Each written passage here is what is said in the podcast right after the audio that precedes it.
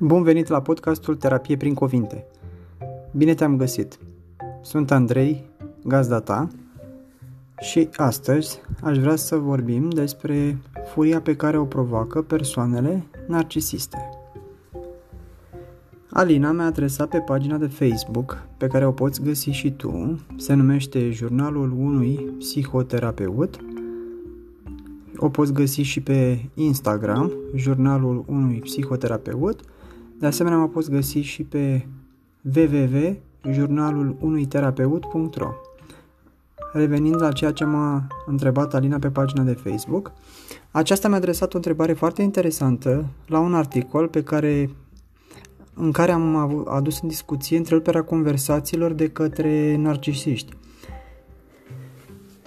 Ea spune în felul următor. În spatele acestui comportament este nevoia de atenție și de admirație – acest tip de comportament poate genera furie, stimă de sine scăzută în dreptul persoanelor care sunt întrerupte. Oare de ce generează furie narcisiștii? Și de ce este un semn bun? Mă gândesc că depinde de persoană și de genul de relație și chiar și de moment, cel puțin la mine, așa e.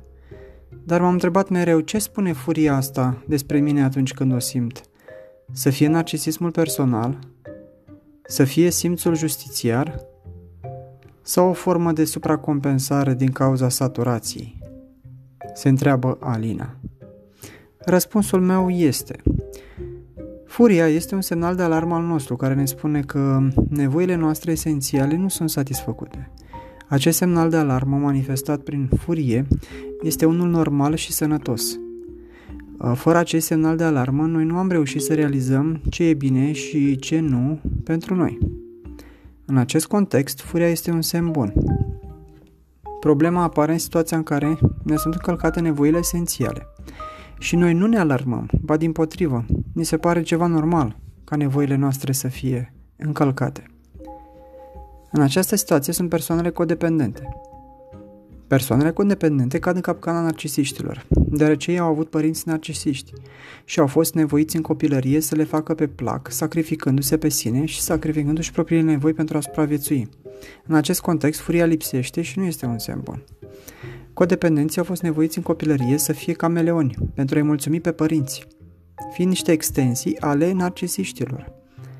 Părinții narcisiști îi vedeau pe copii ca pe niște trofee, cu care se mândresc și cu care își umplu acel gol interior. Atât am avut de spus pentru astăzi. Data viitoare vom aborda tot un subiect legat de narcisism. Până atunci te rog să dai like, subscribe și share acestui articol dacă ți-a plăcut.